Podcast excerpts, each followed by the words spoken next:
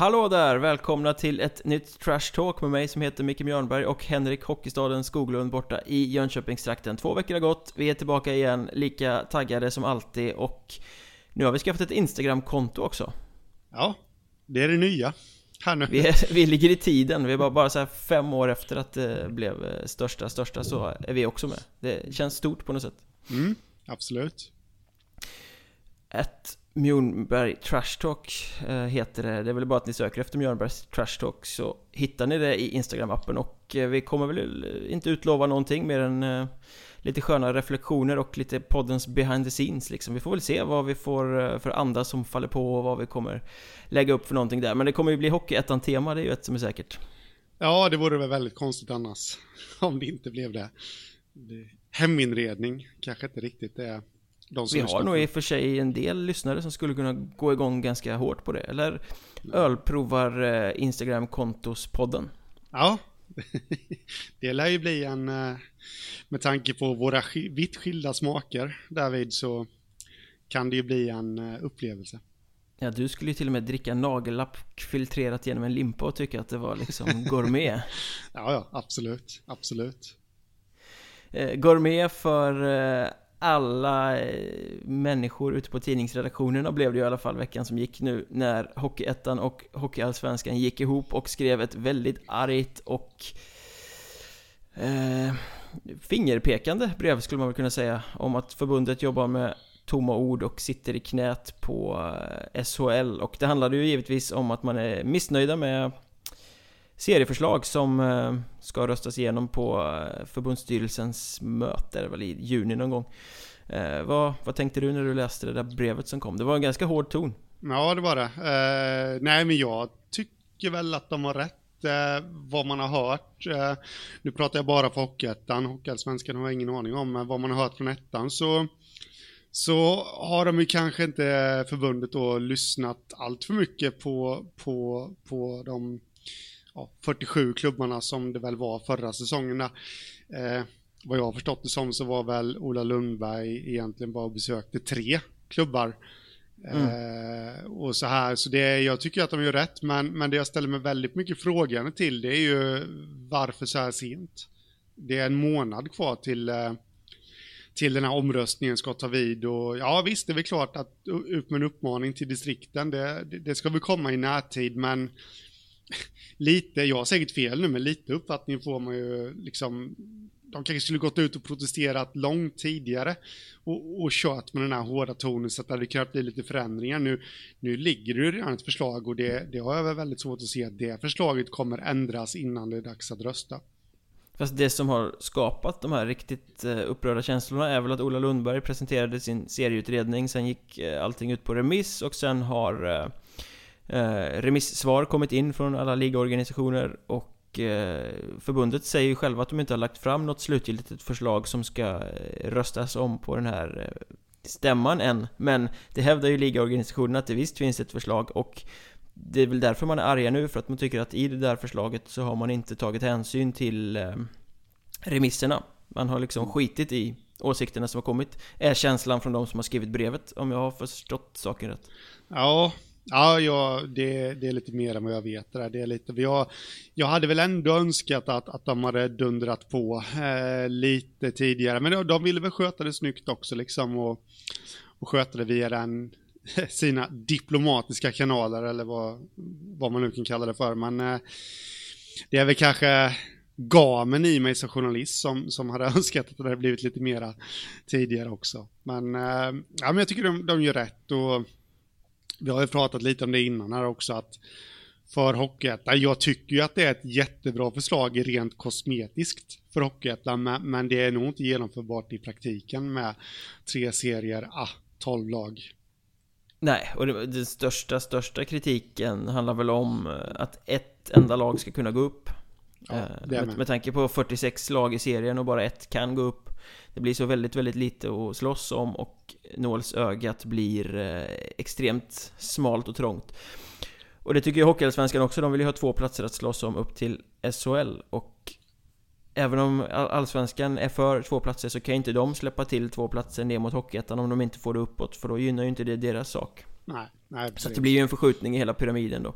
Mm. Och SHL har eh, kompromissat och sagt liksom okej, okay, ett lag åker alltid ur men då ska det bara vara en plats att slåss om. Liksom. Så att, ja. Det här är ju tyvärr en, en sån fråga där alla inte kommer bli nöjda, hur det än blir. Eh, men jag förstår eh, vreden hos Hockeyettan, Hockeyallsvenskan och jag förstår väl kanske framförallt Hockeyettans eh, frustration och uppgivenhet på något sätt för att förbundet har ju inte gjort så mycket mer än att pissat på ettan och dess klubbar i all tid. De säger att de verkar för svensk hockeys bästa men tittar man på beslut och allting som röstas igenom så är det ju inte allt så. Utan det kommer en massa ogenomtänkta icke förankrade förslag och beslut som ettan-klubbarna bara ska förhålla sig till mm. Eh, och som inte gynnar dem.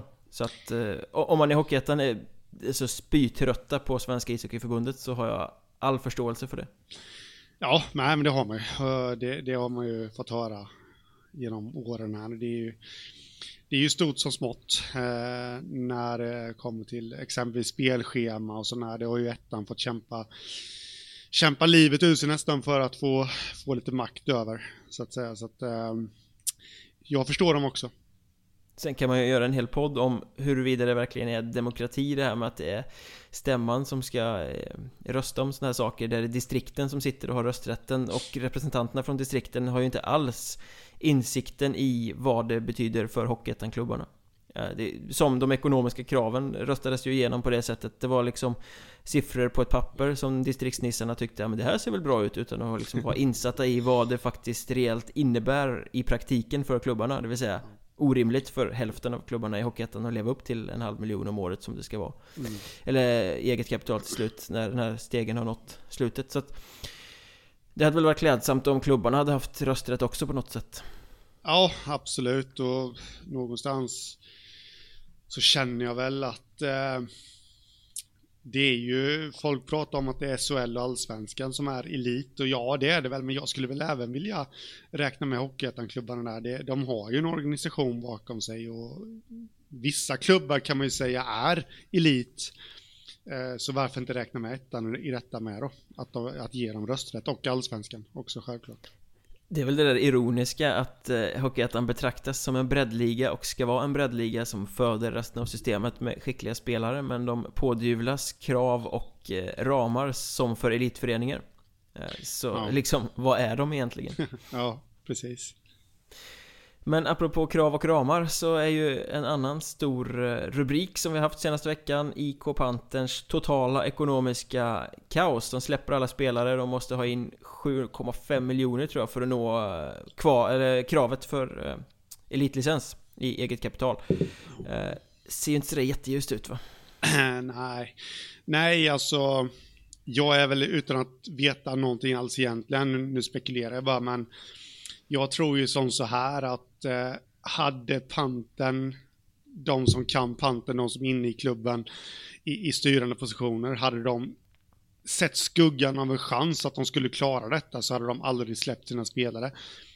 Vilket de har gjort nu. Eh, därför tror jag att, att de inte kommer greja det och eh, då kan jag väl nästan tycka att det är på gränsen till lite fult att de inte redan nu ger upp och, och ger platsen till Almtuna eh, härvid.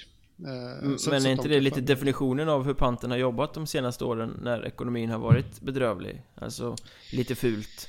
Ja. Jag kommer ihåg den där eh, bokhållaren som var pappaledig när de blev av med elitlicensen för för några år sedan och när man tittar på ekonomi nu så inser man ju att det var ju helt fel att appellationsnämnden upphävde det där beslutet och gav dem licensen tillbaka när de väl blev av med den för de har ju varken haft organisation eller ekonomi för att hantera Hockeyallsvenskan.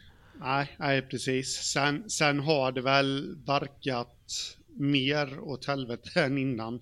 Sen, eh, sen den här styrelsekuppen genomfördes för, för något år sedan. Det blev rätt livat i media och alltihopa och fansen protesterade. Eh, när de la allt i Hugo Stenbecks händer, det var väl då det började barka rejält åt skogen.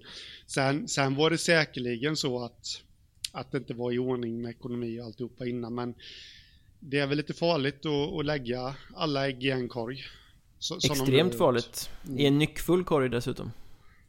Ja, ja precis. Ja, precis. Nyckfull korg. Och var det inte lite så här man kände redan när man... Det var väl ett år sedan som, som det stod i media att, eh, att Stenbeck skulle kliva in i panten och då kände man redan där och då att oj, hur ska det här gå? Så kände jag i alla fall. Ja, och de har ju inte en verksamhet som är värdig Hockeyallsvenskan heller. Det går ju inte att driva runt en klubb som knappt har 100 pers på sina matcher i en liga som kräver så mycket ekonomisk insats. Nej, nej, nej alltså det, det går ju om man har en sugar daddy som pumpar in pengar utan, eh, utan att vilja vinna någonting själv på det. Men, men de finns ju inte. Stenbeck skulle gå in och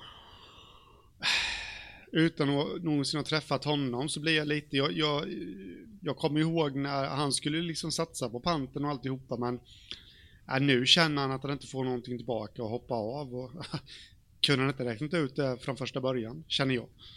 Lite så.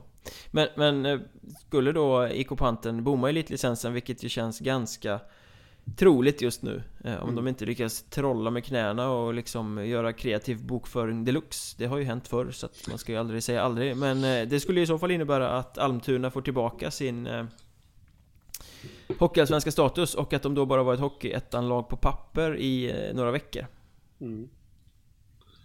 Ja, det skulle det innebära eh, De har ju värvat, känner jag lite, för att att vara ett allsvenskt lag nästa säsong? Eller? Ja, tittar man på det de har gjort så känns det ju som att de har, i alla fall har Hockeyallsvenskan väldigt mycket i åtanke. Och mm. jag skulle kunna tänka mig också att eh, spelare som väljer att skriva på har fått lite känslan, kanske fått lite inside om att det kan nog bli Hockeyallsvenskan här. Mm.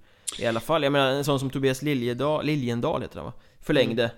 Mm. Fem raka säsonger i Hockeyallsvenskan med ett gott resultat. Lagets tredje bästa poängplockare i eh, eh, säsongen som gick i Hockeyallsvenskan. Han har redan nu skrivit på för att följa med ner i Hockeyettan. Det känns ju som att han borde haft förslag att välja och vraka bland. Ja, jo, absolut. Eh, jag snackade med Tony Mårtensson förra veckan. Eh, han hade ju absolut inte bestämt någonting om sin framtid förutom att han skulle fortsätta spela. Men eh, läste man lite, eller lyssnade man lite mellan raderna där så, så var det ju allsvenskan som, som gällde för honom och detta var ingenting han sa, men som sagt återigen mellan raderna att så var det lite så att Almtuna var första alternativet om de skulle få tillbaka sin allsvenska status. Men Hockeyettan var heller inte uteslutet. Så känns lite som att han också är en sån som, som sitter och väntar på, på att det skulle bli beslutat vad som händer. Per Svensson skrev på tidigt. Det är väl i och för sig inte så konstigt. Trotjänare har ju en tendens att stanna även om man byter till en lägre division. Mm. Men det är ju ändå en allsvensk signatur. Och tittar man på vad de har värvat senaste dagarna nu då, så har Marcus Karlström, Christian Hägg Topp Hockeyettan-spelare som förmodligen inte skulle göra bort sig eh, om de fick en allsvensk chans. Nej, nej. Så att jag menar Almtuna, antingen så bygger de ett väldigt starkt lag för Hockeyettan Östra eller så bygger de en liksom, en grunden till ett lag som kan adderas med, med spetsen om de skulle få den hockeyallsvenska chansen. Mm. Ja, ja, absolut. Så, äh, ja, nej men jag, jag tror, äh, min magkänsla säger mig faktiskt att Almtuna kommer spela i allsvenskan eh, nästa säsong. Och eh, panten i frågan om de ens kommer spela i ettan. Ja, det blir lite olika scenarier då. Säg att det blir så att de bommar elitlicensen, då ska ju de ner i ettan eh, i så fall, om det bara eh, går så. Och då ska ju de spela i söderserien, samtidigt som Almtuna lyfts upp från den eh, östra serien. Och då lär vi väl få en förskjutning tillbaka, det vill säga att Tranås får byta södra och hoppa tillbaka till västra och då får Gripen hoppa tillbaka till östra och sen allting löst. Ja. ja och precis. då bommar nykomlingen Eskilstuna-Linden ett efterlängtat derby mot Gripen i eh, västra serien. Ja, det är också sånt här, vi, vi har ju pratat om det innan, med klubbar som håller på och strular och drar ut med beslut och alltihopa. Jag vet att eh, Dalen la ut någonting på sin Facebook här nu i, innan helgen. Eh, tydligen så ska de spela någon eh, match i, i Kinnaps arena och frågade då eh, sina följare vilket lag de tyckte de skulle möta där. Och eh, det finns väl lite så här, Tranås skulle kunna vara ett alternativ, men ja, Flyttar de då tillbaka till västra så är det ju inget alternativ längre och det... Och då tar IK Panten deras plats i spelschemat så då blir ja. det Dalen IK Panten i Kinnarps Arena känns som en jävligt ja. het match. Ja, ja, nej men precis och det är också lite sån här att man, man, man, man ställer ju till det eh, för andra klubbar. också. Ja, det är definitivt, det är ju så det blir. Så att, eh, Och skulle det gå så illa att panten konkar eller att ekonomin är så kass att de inte ens kan spela i ettan Då innebär ju det att eh, nästa lag på tur, bästa trean då från kvalet underifrån kommer få frågan att ersätta Almtuna och det är ju Hanviken då Eh, Så Ja. då är det ju praktiskt, då kan ju Almtuna bara poffas upp och så kan Hanviken hoppa in och ta deras plats Ja. Rätt upp och ner i östra serien, men då får ju Hanviken den frågan i slutet på juni Eh, Och då har ju de byggt ett lag för division 2 ja. Och det är lite skillnad. Så Ja, eh, med tanke på att östra serien ser ut att få en del lag som mobiliserar ganska bra så Så blir det ju kanske att tacka ja till att gå upp och åka ur igen då Mm. Ja, ja, absolut. Så, nej, det... Eh, nej. Sen förstår jag att det är svårt också om man är i pantens kläder och är ansvarig sådär, men någonstans ta lite ansvar, kliv av redan nu, så att, så att alla andra får det klart liksom och vet förutsättningarna. Jag kan hålla med om det Om det nu är så illa som eh, det framstår som att det är. Eh, Men eh, det får vi ju inte veta för att det kommer ju inte granskas förrän fram i sommar och det är först då som det Kommer någon form av vettigt beslut om det där. Mm. Men vi kan ju hålla oss kvar lite i östra serien För det känns ju som att den senaste tiden har det hänt rätt mycket spännande runt östra serien i alla fall. Eh, Almtuna kanske inte blir kvar. Blir de det så kommer de bli ett intressant lag. Strömsbro också en nykomling som kliver upp. Eh, jag snackade med sportchefen där Johan Wernberg förra veckan och Han skrädde ju liksom inte målsättningen här liksom. Det är allettan direkt första säsongen. De ska vara uppe i Hockeyallsvenskan om tre säsonger. En eh, nykomling som vill bygga på eh, Gävle-anknytning Plocka hem en massa spelare i förskingring och eh, jävligt kaxiga liksom. Vad Kul känner jag med att vi har nykomlingar. Då tänker jag på Eskilstuna och på Borås och sådär också Att det kommer upp nykomlingar. Den här säsongen som sticker ut, spänner musklerna, kommer kunna tillföra Och då kanske framförallt på Strömsbro Ja, det är ju en eh, vågad eh, vision, målsättning de har, men eh, samtidigt Fan, hockey- Hockeyallsvenskan inom tre år, det är kaxigare än Ja. Mörrum De har fyra Ja, år i sin satsning Ja. Nej men alltså, eh, till att börja med så, så känner jag väl att Strömsbro har, alltså Gävle är ju en hockeystad. Det finns absolut utrymme för, för två elitlag där och Brynäs i, i SHL och Strömsbro i Allsvenskan, så, så potentialen finns ju, absolut. Sen, sen har inte jag någon större koll på publikintresse och, och liksom den övriga bassen kring, kring Strömsbro där, men det, det finns ju definitivt underlag rent spelarmässigt för att eh, kunna bygga någonting. Men, men eh, jag blir lite så här, eh, det är väldigt många lag nu som sticker ut hakan. Mörrum, Strömsbro, som jag har sagt, och eh, de satsar mot allsvenskan och allt det där. Eh, vad beror det på? Du, du tänker på så här många eh, klubbar utöver dem eh, man tänker liksom de här stora Troja, Huddinge, de här som alltid satsar mot Allsvenskan Ja. Eh, Du menar att det är många så medelklubbar som gör det? Ja, jag, jag får ju för mig att eh, de vet något som inte vi vet och då har vi det återigen till det här serieförslaget som, som ska klubbas då. Kommer det bli en bantning av eh, hockey eh, av Hockeyettan till 36 lag så kan det faktiskt bli redan den här säsongen som gallringen sker. För att i, i någon skrivelse som jag läste så står det att klubbas detta så ska det börja gälla från tidigast säsongen 2021. Och det är ju med lite fantasi nu nästa säsong då om, om vi säger att 1920 redan har börjat. Så att 1920 kommer ju bli en liten gallring och Mm. då får man väl nästan förutsätta att fyra gäng i varje serie kommer tvingas ner till kval där endast en plats står till förfogande. Det är rätt raffinerat ändå Men då Ja. är, är din eh, tanke här då att Klubbarna har fått lite heads up om det här och känner att nu är det nog läge att satsa lite För att Ja, undvika jag- den där bottenstriden jag får för mig lite det och, och går man då upp med en kaxig målsättning så ökar ju chansen att man får med sig sponsorer som hakar på tåget också och eh, ja, allsvenskan, ja men det vill vi vara med på. Eh, det är bara min spekulation, men jag, jag, får för, jag började tänka på det här för några veckor sedan att det är ingen som har pratat om att, att den här säsongen kan ju liksom bli en riktig vattendelare. Om vi kollar på södra serien, ja, fyra lag ner till kval, vilka fyra då? mm. Alltså med tanke på det getingboet där. Eh, så jag får för mig det lite faktiskt. Att de har fått en heads-up att det här kan bli säsongen nu. Tidernas säsong.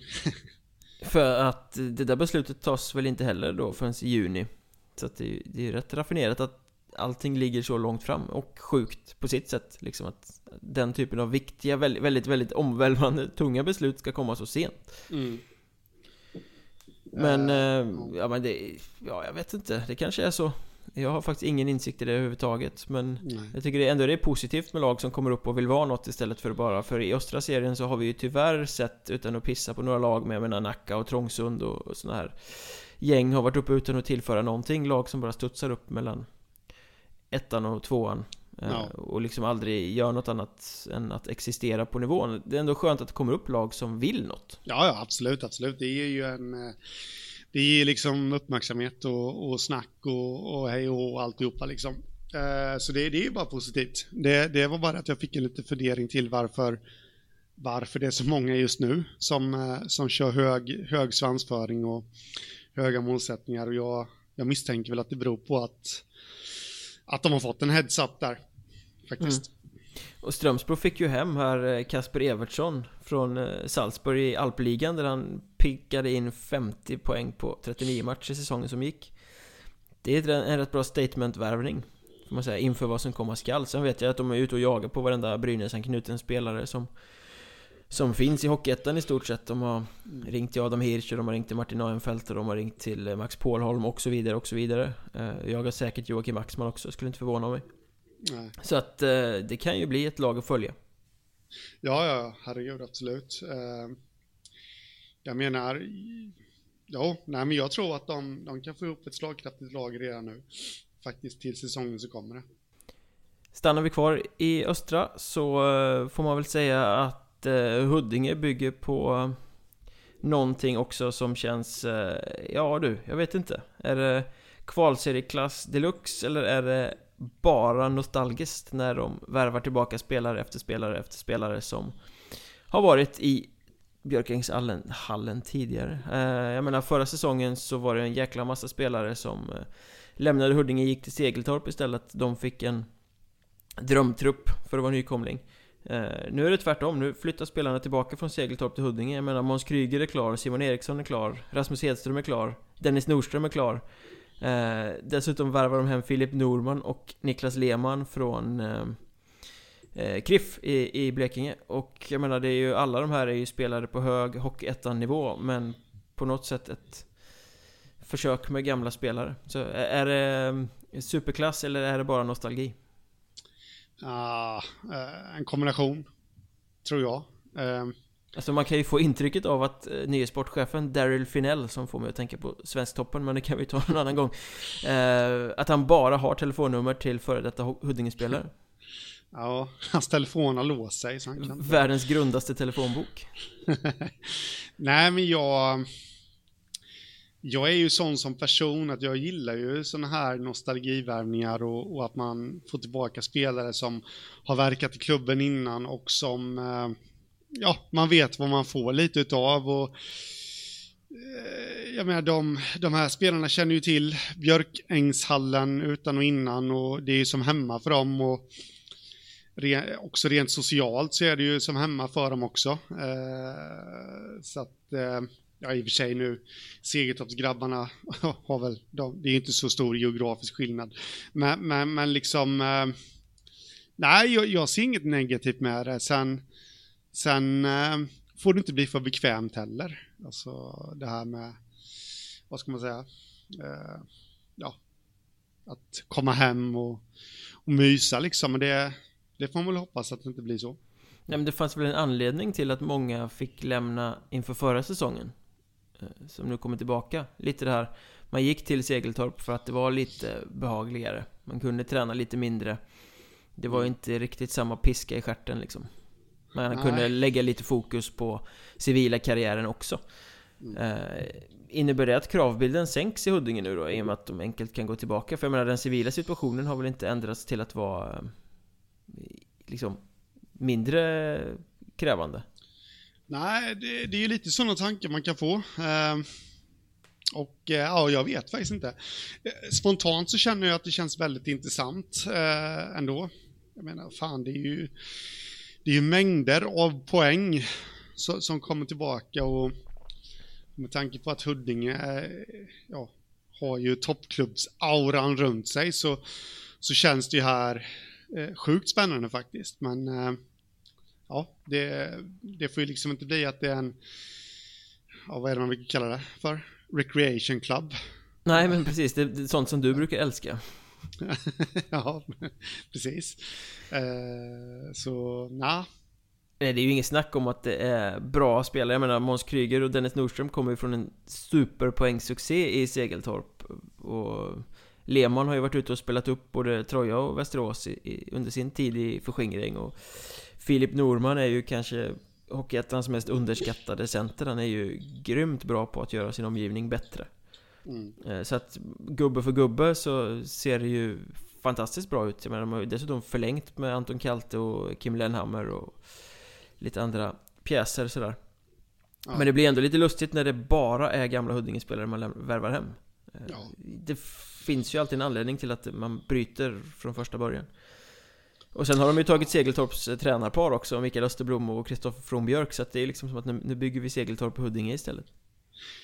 Ja, precis, men eh, ja, exakt. Eh, rent generellt så tror väl jag som så här att Huddinge är en bra plats att vara på, men resurserna, nu snackar jag rent ekonomiskt här och med, med ersättning och, och, och, få en rent skälig ersättning eh, för att kunna spela i Hockeyettan tro, tror inte jag finns där riktigt och det är därför de här spelarna har sökt sig till andra klubbar. Eh, men eh, kanske kommer på att det är nog ändå rätt bra hemma i Huddinge. Eh, det är väl lite så jag tror att det är. Jag tror inte att det är konstigare än så, eh, än att de här har, har lämnat en gång i tiden och att de är tillbaka nu. Mm. Och det är kanske det man vill återknyta till då med en väldigt tydlig strategi i sin, sina värvningar. Ja, ja precis. Frågan är om det kan ge ett publikt uppsving också då att Oj, nu är det skickliga spelare vi känner igen, att publiken kan hitta till Björkängshallen, eller den kanske inte finns, vad än gör. Nej, det känns inte riktigt som det. det. Det är väl inte min spontana tanke när jag, när jag tänker Huddinge och eh, att de värvar tillbaka klubbprofiler, om man säger så. Att, att publiken kommer strömma till det.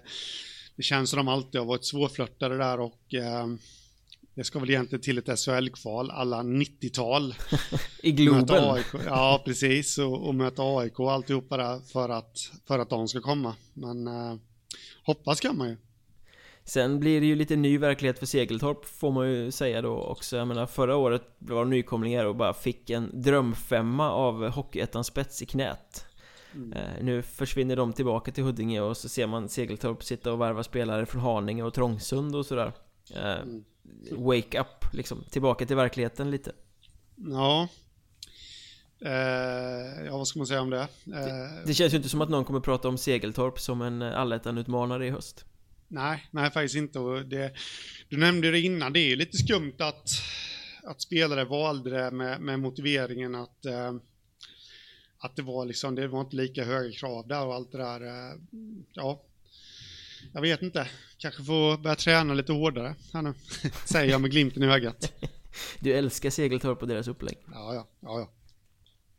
Men eh, den gemensamma nämnaren här, om man tittar på Huddinge, när spelare lämnade och när spelare nu kommer tillbaka Det är ju ändå att de har bytt tränare eh, Fredrik Mellberg körde tre säsonger i Huddinge Tog dem till kvalserien och var och nosade på det Men nådde inte riktigt hela vägen fram Nu blev det så att eh, de omorganiserar, han försvinner eh, Och har gjort klart med ett eh, nytt jobb Har vi fått berättat för oss. Det har väl förmodligen släppts offentligt när den här podden släpps i och med att vi spelar in här på måndagsförmiddagen och de skulle gå ut med detta under måndagen. Men det blir så att Eh, när Mellberg tog över Huddinge igen så eh, var det en återkomst till Huddinge. Han är klar för en ny återkomst och det innebär att han ska till Nyköping igen och ta över Gripen till nästa säsong. Det innebär ju då faktiskt att han är tillbaka på brottsplatsen exakt fem år efter att Nyköping konkade. Eh, för då var ju han tränare där också. Och fick gå vidare till Hammarby, Tranås och sedermera Huddinge efter det. Men eh, Fredrik Mellberg i Gripen, din spontana eh, åsikt om den tränarsigningen? Ja, Eh, alltså jag, jag har ju alltid sett Mellberg som en tränare som, alltså han lyckades med Tranås, han har ju lyckats med Huddinge också. Eh, liksom, han kan få ut mycket av ett, av materialet. Han eh, ställer hårda krav. Eh, vi har ju sagt lite här, vi, vi trodde ju när, när Gripen gick upp att det skulle liksom bli eh, ja, en hås och eh, uppmärksamhet kring, eh, kring klubben som kanske inte riktigt har blivit. Eh, det känns som att han är mannen som skulle kunna sätta den sista håsstämpeln på dem så att säga. Så jag tror det är bra. Mm. Ja men det, det har ju varit väldigt mycket så alltså Gripen måste göra resultat för att få den stora hockeypubliken i eh, Nyköping med sig För det är ju så, det finns ju väldigt stort intresse i den stan men de är väl lite som i Gävle eller på andra ställen, lite svårflörtade alltså Det måste vara ett topplag, de måste spela bra, då kommer publiken Och de här två första säsongerna sen de gick upp i Hockeyettan här nu, de har ju varit väldigt, väldigt mycket mellanmjölk på något sätt. Det har glimtat mm. till ibland, de har haft en del bra spelare, det har varit lite småtrevligt men de har ju inte gjort resultat. De har ju liksom inte tagit sig till playoff från fortsättningsserierna de har hamnat ens och det är inte gott nog i Nyköping. Det duger liksom inte och det, den känslan har de ju i föreningen också, att nu måste vi faktiskt börja göra resultat. Och där tror jag att det är helt rätt att ta in Mellberg, för att är det någonting han gör, han blir definitivt inte kompis med alla. Eh, det kommer att gnällas över eh, tuff kravbild och eh, icke-lediga fredagar och lördagar och allt vad det nu är. Men Han gör ju resultat Där han kommer in. Mm. och jag tror att, att han ska ta över Gripen Det är nästan en garant för att de kommer spela I Allettan nästa säsong ja, För han kommer liksom snäppa upp det här på något sätt mm. Ja men lite den känslan får man faktiskt och jag tycker de har värvat. Eh, mig vetligen så har de bara två eh, nyförvärv hittills, men det är lite intressant också. Tenemyr gör comeback. Han har ju en eh, rätt bra uppsida, om man säger så. Eh, Verkligen. Martinsson, eh, intressant back som som jag faktiskt trodde vid det här laget, han är 23 nu, jag trodde att han skulle vara etablerad allsvensk back, eh, men har inte riktigt tagit det där klivet än, men det finns också potential i honom.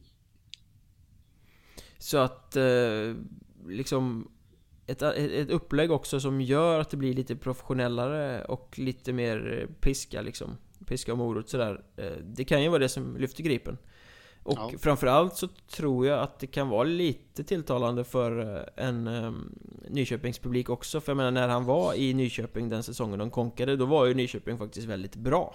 Eh, de mm. var ju framme Jag tror att de snubblade i playoff 3 mot Tingsryd. Jag kan ha fel där men eh, de var ju liksom ett lag Förvisso med spelare de inte hade råd att ha Visade sig ju. Men de var ändå ett bra lag som var framme och han var tränaren som ledde det. Så att jag menar han har ju säkert goda känslor omkring sig i Nyköping Ja ja, absolut och Sen blir det väl inte så jävla långt att pendla heller Jag menar Huddinge till Nyköping tar väl en timme Ja ja, ja ja, nå någonting sånt. Jag tror det går, man, han åkte väl tåg till Tranås va? Ja, han fick ett eh, årskort av klubben. Ja, och det är väl ändå ännu närmare, eller ta ännu kortare tid till Nyköping självklart då. Eh, jag vet inte riktigt vad det kan ta, men... Eh, jag tar en timme med bil, så att... Ja. Men eh, tummen upp för den eh, tränarsignaturen alltså? Ja, absolut. Det tror jag bara kan bli bra. Eh, jag, jag säger inte att det blir succé och kval och hej och hå, men, eller kval kommer det nog bli, men, men kvalserie och sånt där, det, det, säger jag inte, men eh, det kommer bli en uppsnäppning. Man får skynda långsamt så att säga. Ja. Apropå eh, rutinerat folk och sådär, så såg jag precis innan vi började spela in här att eh, Niklas Larsson har eh, signat nytt med Surahammar. Eh, ja. killen är alltså 39 bast och klar för sin 19 raka säsong i klubben. Han har aldrig spelat någon annanstans. Lite kärlek till hockeyn där va? Ja, och till Surahammar. Ja, man med, med tanke på resultaten de har gjort, kval, kval, kval, kval, kval, jumbo, jumbo, jumbo, jumbo, jumbo. Ja. Det är imponerande att hålla glöden vid liv där får man säga. Ja, absolut. Och så säger de att trotjänaren inte existerar längre. det, det är ju han ett exempel på att det visst gör. Och det här innebär ju att han nästan måste hålla på en säsong till eh, efter det här För jag menar han är 39 nu, 19 säsongen eh, I och för sig han kanske fyller 40 under året, det har jag inte kollat eh, Men jag menar att Skulle han göra en säsong till efter det här skulle det innebära att han gick in eh, i sin 20 säsong som 40-åring. Det är ganska roliga ja. siffror att leka ja, med. Absolut. En annan gubbe som vi snackade om förra podden tror jag, men som faktiskt var ett rykte som blev till verklighet och han signade Per Savalahti Nagander klar för Boden. Mm. Ehm, jag tror att du uttryckte din glädje redan förra gången, men du kan ju få kommentera den igen. Nej, men jag, jag tycker väl bara att eh, alltså, han tillför ju ännu mera rutin till Boden som, som var i kvalserien här nu eh, senast det begav sig och eh, det känns väl lite som att eh, nu, nu, har jag inte riktigt koll på på eh, Tommy Varg exempelvis. Jag tror inte han har förlängt då, men det är alltså det är rutin de, de får in och eventuellt då kanske behåller. Eh, och det är ju aldrig fel för ett lag med Hockeyettan-mått mätt och det är ju egentligen bara att hoppas på att Per Ledin kör nästa säsong där med. Så kan det bli riktigt intressant. Boden kommer ju ha en jäkla press på sig nästa säsong. Eh, för nu har de ju gjort toksuccé den här våren, gick till kvalserien och allting nu. Kommer ju folk plötsligt ha lite förväntningar på dem. Ja. Och ja, ehm, jag menar Det är inte det lättaste att leva upp till det Jag menar de är inte ett etablerat topplag på det sättet som De här klubbarna som alltid ligger i toppen Utan de gjorde en grym säsong De var nykomling året innan Nu liksom måste de leva upp till den här eh, Potentialen och den här pressen. Så jag tror jag tror Boden kan få riktigt jobbigt nästa säsong faktiskt. Oavsett om de får in en sån rutinerad som Nagander. Men, men liksom, det är klart att det är bra men, men eh, jag menar, målvakten slutar Tränarna slutar ehm, Ja, alltså de värvar bra spelare från Piteå förvisso. De har lyckats behålla en hel del. Jag såg att Sebastian Harila signar nytt också. Men eh, det är inte given succé igen alltså Äh, alltså, man ska väl inte sticka ut hakan så, men jag känner väl ändå att det finns potential till eh, en eh, upprepning av bedrift. De har ju många äldre spelare, slash då rutinerade spelare, som eh, nog kan föra det här skeppet vidare. Det, det tror jag faktiskt. Jag, jag, tror faktiskt lite tvärtom där. Eh, sen är det ju vanskligt att säga redan nu att det kommer bli kvalserien, men jag tror inte att de kommer falla igenom och bli något flopplag, utan eh, absolut allettan och absolut topplag, det, det tror jag. Överhuvudtaget känns det ju som att det är ganska många lag som eh, Som du sa förut, många sätter upp målsättningar om Hockeyallsvenskan Men det är många lag som ser ut att bli bra också. Vi pratade ja. om Söderserien som ett getingbo. Eh, Östra serien får ju lite Ganska många bra lag här också. Västra kan bli rätt intressant. Alltså det känns som att det är många lag som kanske Snäppar upp det lite kommande säsong. Att, att det blir lite fler Bra lag, eller i alla fall allettan-värdiga lag i Hockeyettan Mm, det känns lite det och det det är väl ytterligare en liten uh, underbyggelse till min tes där om att veta något som inte vi vet. Är att undvika kval till varje pris som gäller. Det är ingen som kommer gå upp med den här målsättningen självklart, utan det är ju allettan, men finns det där i bakhuvudet lite? Att, uh, att gallringen kommer ske nu. Synnerligen intressant. Mm. Vi pratade om Mörrum förra podden också, då hade de haft sin eh, förnämliga presskonferens där nye ser- eh, tränaren Sergej Jukov, eller Shukov, eller hur det nu ska uttalas, eh, blev skjutsad fel och det blev stor munterhet bland alla som inte håller på Mörrum. Nu har Mörrum haft en ny presskonferens och presenterat sex spelare och öst på och bland de här sex spelarna fanns målvakten Jonathan Stålberg som inte fick vara kvar i Vimmerby. Det visste vi redan, det fick jag uppgifter om för en dryg vecka sedan. Som visade sig stämma. Eh, Men sen är jag rätt eh, imponerad över att de lyckas förlänga då med Khalid Ibrahim och Tom Mäkitalo För att menar, Ibrahim drog till Troja och Mäkitalo till Kalmar eh, I samband med transfer deadline. Och både Troja och Kalmar är ju satsande spelare och Ibrahim och Mäkitalo är duktiga spelare Satsande klubbar ska jag säga såklart. Mm. Så där hade man ju kunnat tro att de kanske skulle bli kvar. Men Mörrum lyckas alltså locka tillbaka dem. Och det säger ju kanske någonting om trovärdigheten i satsningen känner jag. Ja, precis. Eh, Khalid Ibrahim är ju en spelare som jag, jag någonstans har fått lite feeling för här. Han, han känns som en sån som tar steg för varje säsong och, och växer in i, i Hockeyettan-kostymen mer och mer. och, eh, och liksom, han attraherar ju då klubbar som Troja, som Kristianstad förra säsongen, när han avrundade säsongen där. Så att eh, mycket stark eh, förlängning, måste jag faktiskt säga. Och som du säger där så, ja, spelarna verkar tro på det i alla fall. Och när de tar in Stålberg så får de ju in en potentiell första keeper som kan stå på huvudet. Uh, nu blev han ju utkonkurrerad av Thomas Rydén i Vimmerby säsongen som gick Det kan man ju förstå för Rydén var ju så in i helvete bra uh, ja. Men säsongen innan visade ju Stålberg verkligen vad han går för Då var det han som konkurrerade ut Johan Kallio i Vimmerby Så att ja. Stålberg är ju en, en eh, potentiell riktig genombrottsman som de får in här Som mm. faktiskt gör att uh, jag får ju bättre feeling kring Mörrum på grund av honom än på grund av Marcus Paulsson mm. Ja, nej men det, det ena utesluter inte det andra givetvis. Utan det, Såklart det, inte. Bli, det, det, känns ju som en uh, synnerligen bra mix just nu faktiskt, måste jag säga. Mörrum till uh, kvalserien? Nej, uh, inte än. det är ju inte förrän om fyra år de ska vara i Hockeyallsvenskan. ja, nej precis. Nej, det, det får man väl vänta lite med tills uh, och sticka ut någon hake där. Men uh, intressant i alla fall, måste jag säga. Ja, äh, men det känns ju som att uh, alltså, de kommer blanda sig i att vara ett av de här allettan kämpande lagen som de vill vara i alla fall. Ja, liksom många andra lag ja. i den här serien. Exakt, Getingboet så här. och Tranås Eh, om vi ska lyfta dem här också, de har ju kommit på ett par riktigt starka förlängningar. Anders Skog blir kvar, trotjänaren Erik Gustafsson blir kvar Lagkaptenen Filip Pettersson blir kvar trots allsvenska anbud. Eh, och jag vet att Stefan Fransson, sportchefen där, har ju sagt att eh, det är viktigare att förlänga med kärnan i laget än att värva nya spelare Efter den här eh, kvalseriesuccén i år. Och de här tre namnen är ju riktigt tunga förlängningar. Det säger någonting om, om tron på Tranås även framgent När de väljer att stanna och skriver så här tidigt.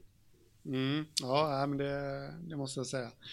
Eh, Finns ingenting att anmärka på det Sen sägs det ju att de är väldigt nära Sean McGovern också eh, Som sopade in poäng i division 2 med Åmål förra säsongen. 69 pinnar på 29 matcher varav 35 mål Rätt skapligt.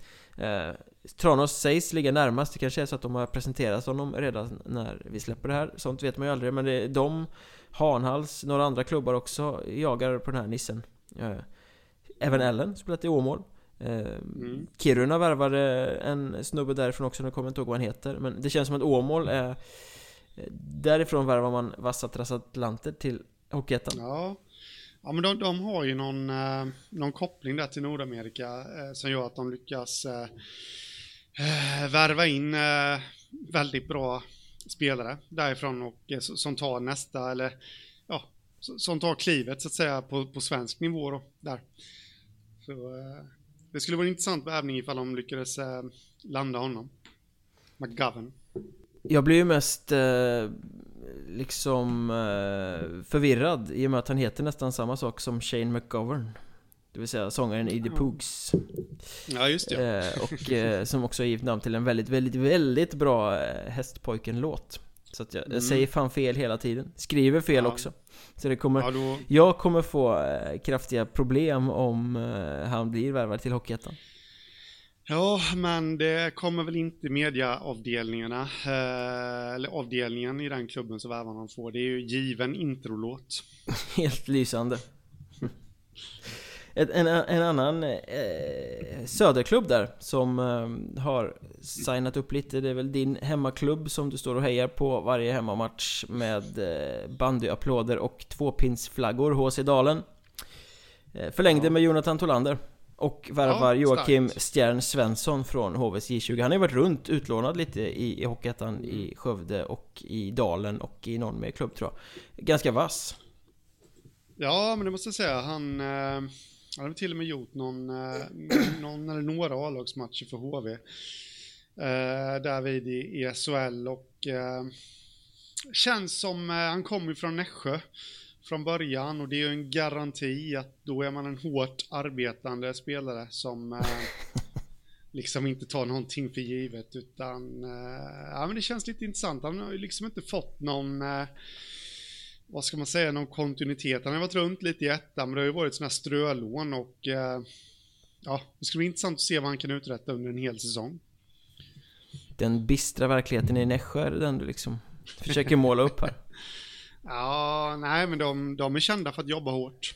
De är drillade så, faktiskt. Är det inte så att jävligt mycket målvakter har kommit den vägen? Jo, ja de har ju gått via där och, och så. Men, men kollar man på utespelare så har vi ju Anton Bengtsson, Jesper Williamson, eh, Jesper Fast. Alltså alla de har ju ett signum. Glömmer jag säkert någon. Anton Heikkinen som har gått till Kristianstad här nu. Det är ju det är hårt arbete.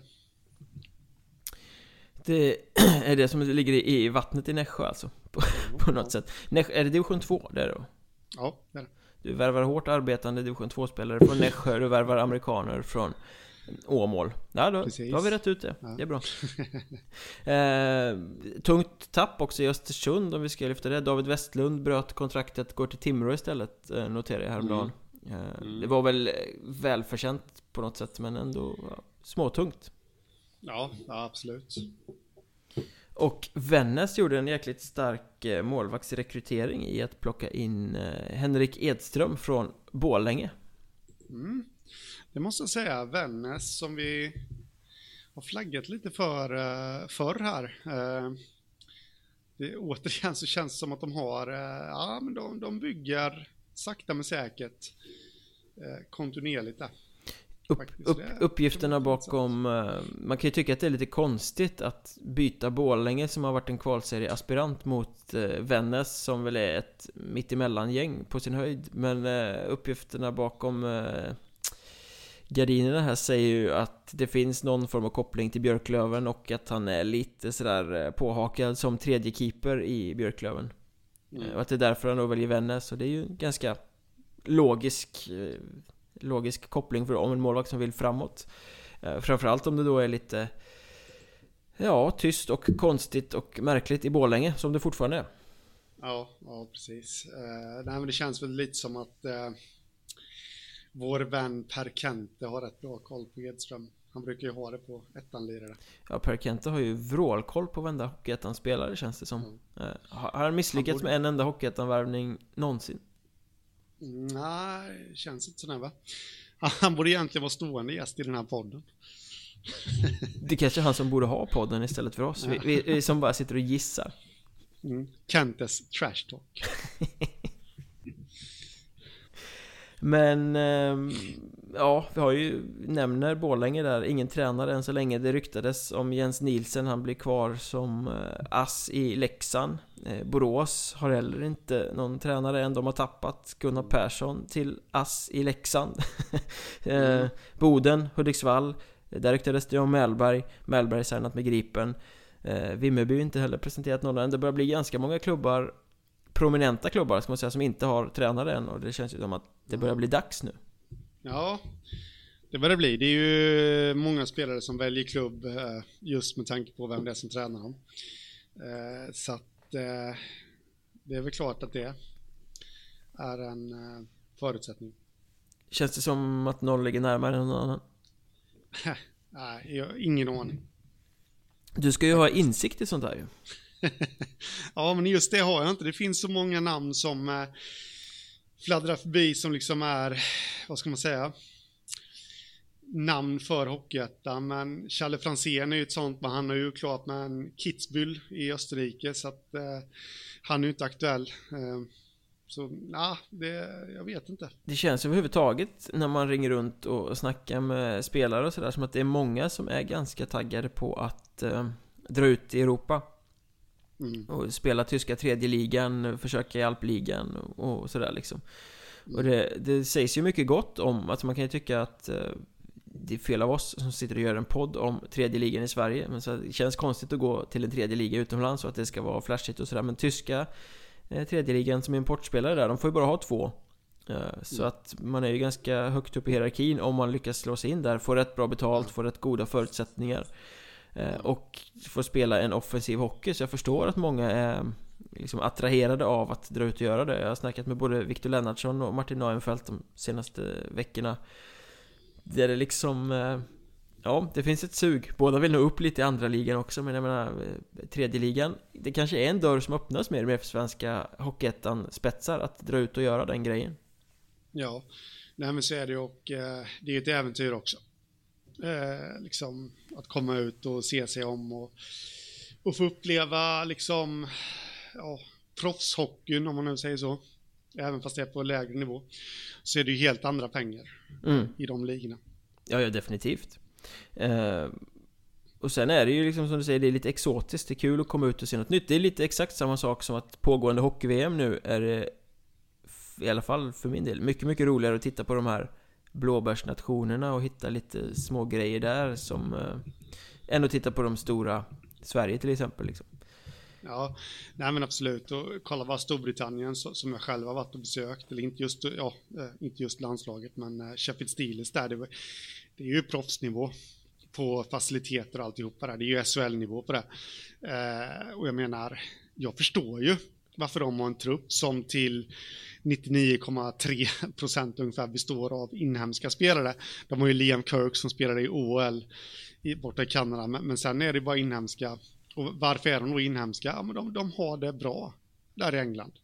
De har bra förutsättningar. Eh, sen kan man ju önska kanske då att någon hade vågat ta klivet till Hockeyettan kanske för att utvecklas lite där. Eh, men varför ska de göra det när de har det så bra där hemma?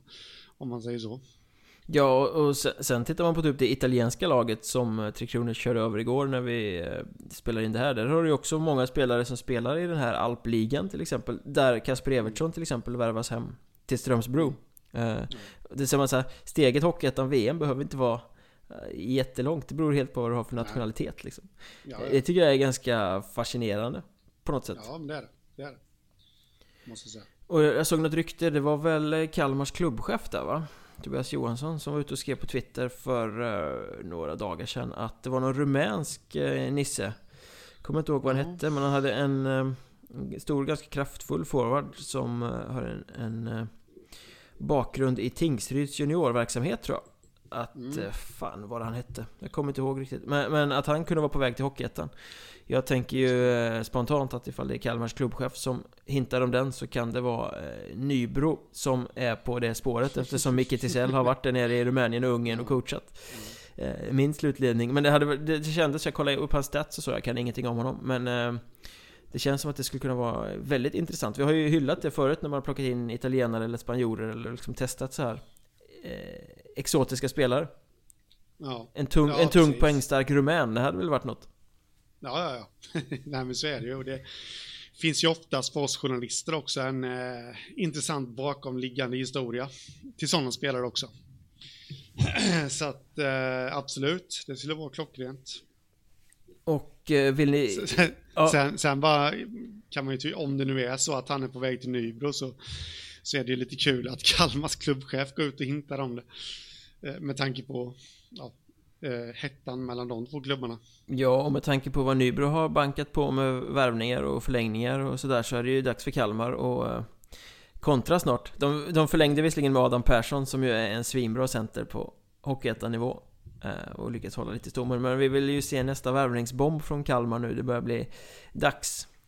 Det, det, Ja. Kapprustningskriget mellan Nybro och Kalmar är ju en av de stora historierna i Hockeyettan inför kommande säsong. Precis som att Nybro håller på att bygga ett litet Troja. Robin Johansson i kassen. Värvade Viktor Andrén från Troja nu. De har varit och ryckt lite i Gustav Berling. Alltså, det finns många stories där till kommande säsong. Ja, ja, ja. Eh, som svar på din fråga för övrigt, eh, Roberto Gliga Så var det, exakt. eh, öste in, eh, ja, öste in och öste in, men han gjorde 47 poäng i Erste Liga eh, eh, nu säsongen som var. Och det är... Eh, ungerska ligan, eller? Ja, Österrikiska ligan. Nej, ungerska. Och där har vi ju eh, Micke Tisell-kopplingen, tänker jag. Mm. Ja, precis. Och med det sagt så är vi nog ganska färdiga för den här timmen. Vi har lyckats sy ihop det igen. Eh, vi finns på Instagram numera. Wow! Eh, sök Mjölnbergs Trash Talk. Sök Mjölnbergs Trash Talk på Facebook. På Twitter heter jag att Mjolberg. Henrik heter att Hockeystaden. Poddens konto som allt fler följer heter att Mjolbergpodd. Och eh, ja, där kan ni önska ämnen. Ni kan eh, säga egentligen vad ni vill till oss och sen så får ni gärna recensera oss i poddappen också så blir vi jätteglada. Om ni gillar oss vill säga. Eh, Det är väl Ja. inte alla som gör, men vissa. Ja, de glada tillropen att döma. Ja, ja, ja, precis. Och Så är det. har du någonting mer att tillägga? Nej, nej, faktiskt inte. Inga Jag fler. PJCHL-tips att komma med? Nej, jag är rätt tom på det nu faktiskt. Eh, Det kommer. Steiner, Siskins, vi, vi nöjer oss med det och så hörs vi nästa vecka. Eller om två veckor hörs vi. Ja, absolut. Ha det gött, Detsamma. tja!